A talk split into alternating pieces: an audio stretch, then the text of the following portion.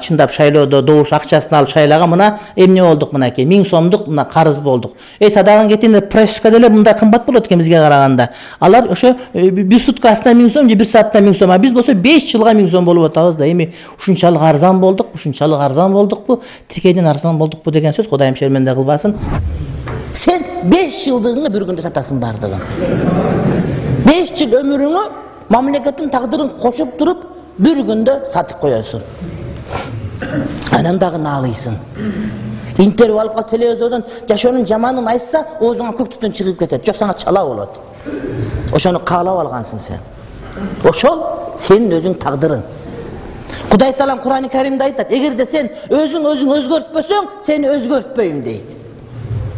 Ниетиң өзгөрт жүрөгүң өзгөрт оюң өзгөрт анан кудайым сенин жашооңду өзгөртөт сен өзгөртпөйсүң сатып ала бересиң тааныш биниш кыласың.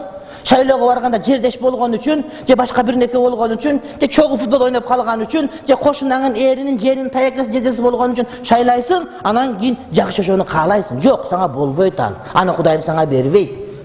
Ишиң сеники жүрүшпөйт. Дагы бактысыз болгон бойдон кала бересиң. Же эртең менен тургуң келбейт сеники баардык акмак экен мен барбайм деп шайлоого барбай коесуң сен барбай койсоң болбой калбайт боло берет. Бирок сен каалабаган. Сен жаман көргөн бирөөнүн келишине шарт түзүп берген болосуң. Жаман болсо баардыгы жаман деп каршы деп добушуңа бер шайлоо болбой калсын кайра шайлоо болсун. Бирок барбай койбо бар. Эки рекет истихара окуп керек болсо гусул алып кимге добуш бер аныктап билип анан баргының аманат добушуң басып барганың аманат. Кыяматта ошол нерсеге жооп бересиң ушул нерсе айтылынбайт бизде. Ушул нерсе бизде туңгуюк бойдон калат.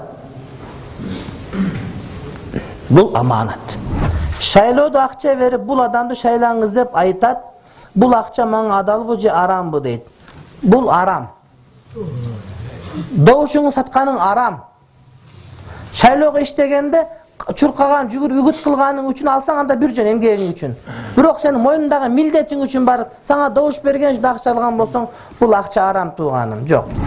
Азыр адамдар бири бирине кепилдик бере беришет. Ушуга добуш бергиле мындай кепилдик берем дейт. Буга добуш бергиле мындай кепилдик берем. Өзү эки миң сом акча алып алган же үч миң сом акча алып алган болду. Же көчөсүнө карагай коюп беришкен болду. Бирок кыямат ага жооп бересиң эгерде чындап эле сен кайсыл бир адамдын туура экендигин эгерде шайлоодон өтүп келсе пайдалуу экендигин билсең ага жардам берсең ошол жардам берген үчүн сенин каражатың көтөрсө бул жакшы эле нерсе. Ошого ишенесиң сен? А бирок анын акмак экенин билип турсаң. Анын өтүшүн каалабайсың ал уура экенин билип турсаң. Ал ошого туура эмес экенин билип турсаң ал амин ал кави экен эмес экенин билип турсаң дагы акчалуу эле акча үчүн ага жардам бере турган болсоң анда алган акчаң сага арам болуп эсептелет. Кээ бир адамдарга добушуңду берсең мынча акча беребиз деп кээ бир медреселерге мударистерге мугалимдерге келип атканын мен угуп атам. Канча студент бар? Мынча студент бар. Ар бир студентиң үчүн мынчадан тыйын берем мага төлөп бересиңби. Бул арам маселе сен кылган кызматыңа акча алсаң болот бирок берген добушуңа акча ала турган болсоң бул арам маселе. Бул арам. Сойкулук кылып чочконун этин жеп арак ичип же арактын өзү ичкендей эле арам нерсени оозуңа алган болосуң сен.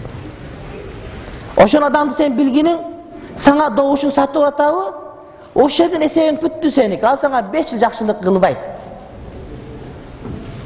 сенин кылган добуш берип аны көтөргөнүңө сен өзүң ошого бааладың сен.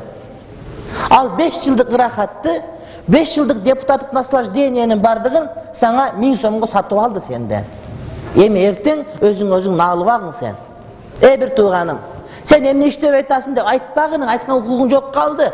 Анткени сен ошого сатып алдың арзан дүнүйөгө мамлекеттин беш жылдык тагдыры беш жылдык тарыхы адамдардын беш жылдык өмүрүн сен ошол миң сомго сатып алдың. Кыяматта ошону кылган уурулугуна кылган жамандыгына сен жооп бересиң. Тең шерик болосуң. Анткени сен ошого саттың добушуңу эми берип атышат баардыгы адамдарды алдап атышат. Алдаса алдана бериш керекпи айтасың эми берип атпай берсем эмне кылам деп. А көчөгө чыксаң аякта проскалар деле берип атышат барып иш кыла бер. Толтура кыздар жүрөт а берет деп эле бара бересиңби? Уят болот арам болот. Албаш керек акча нерсени. Эми кыйналып атпайбызбы кембагалчылык бир жолу берет экен.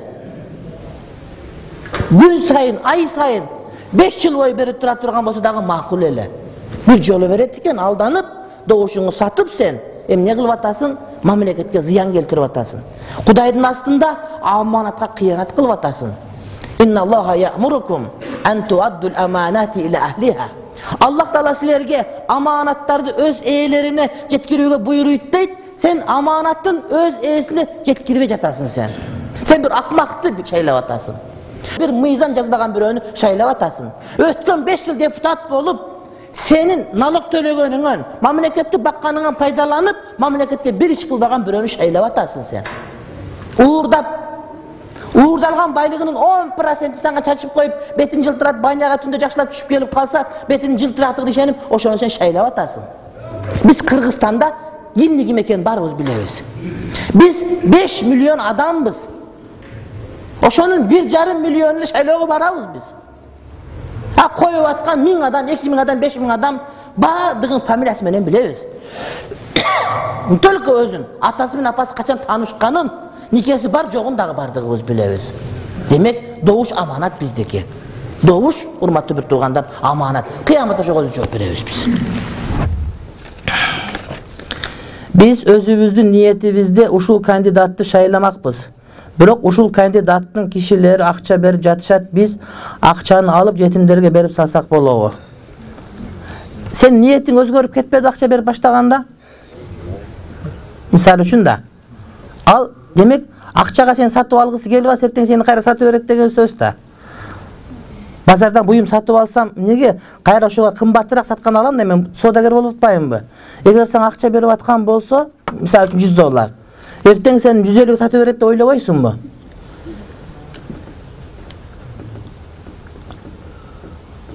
Аманат бул. Акчасын кетирет. Сага окшогон бирөө эле эмес да. Сага жүз доллар бердиби сага окшогону онго берсе миң доллар деген сөз. А бизде миллион шайлоочу бар. Миллионго берсе канча? Жүз миллион болуп кетеби ошондо. Акчаны саманга чачып берген болсо кийин каяктан алат? Каркыранын жарымын сатабы? Же жалал абадтын биягын өткөрүп береби?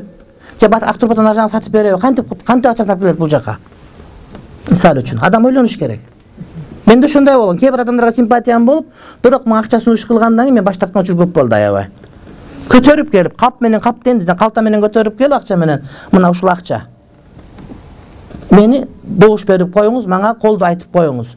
Ушундай симпатия кылган адамдар жерде айттым. Демек бул мени сатып албас эртең мени сатып берет кайра эле. Мен ушуга ылайыкмын анын баасына. Мен чубак ажы урматтуу молдеке палан түкүн эмес. Мен ушунча акча экем мага ушуну бер эртең мени ушундай кымбатка сатып берет кайра. Адам ошону ойлош керек урматтуу бир тууганым эгер ушундай болсо анда эртең кайтыш керек. Арам арам. Бирок сен бир адамга ишенесиң. Ошол келсе кыргызстан өсүп өнүгөт деген ниетиң бар. Анан ошол адамдын үгүт иштерине катышып ошого үгүттөп ошого добуш бергиле деп иштесең сага тыйын берсе бул адал. Бирок өзүңдүн добушуңду бергени же башка бирөөнүн добушун берген ага тыйын берсең добуш сатканы бул арам болот. Арамды кантип бирөөгө бересиң жетимдерге кантип бересиң жетимдерге адал бериш керек го. Илгери саудиялык бирөө америкага барыптыр. Бирөө мурдараак барып калыптыр бирөө кийин жаңы барыптыр. Анан маркетке кирсе анан алманы урдаптыр бирөөсү. Илгери жүрүп калган шаар көрүп калган да алманы чөнтөккө салыптыр анан тиги карап калыптыр анан эми бир нерсени билеттир да бул деп ойлоп анан эшикке чыкса бир кайры сурап отурган бомужга анан алманы белекке бериптир дагы таң калып калыптыр өзү уурдады өзү белекке берди. Айтты тууганым эмне кылганың бул?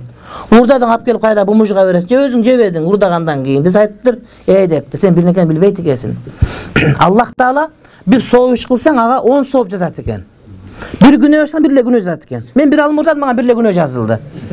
Анан чыгып мен тиги бомужга бердим элем сооп иш кылды мага он сооп жазды. Ошондо бир сооп менен бир күнөө плюс плюс минус болуп кетти дагы мага тогуз сооп калып атпайбы эми өзүнчө ушундай философия кылат да анан айтты жок аллах таала тайып жакшы жакшыны гана кабыл кылат дейт да. А бул садаканы ким кабыл кылат? Өтпөйт бул садака урматтуу бул арам. Бул жанагы эме сойкуларда эле проститутка деген бар го ошонун бир түрү бул эч айырмасы жок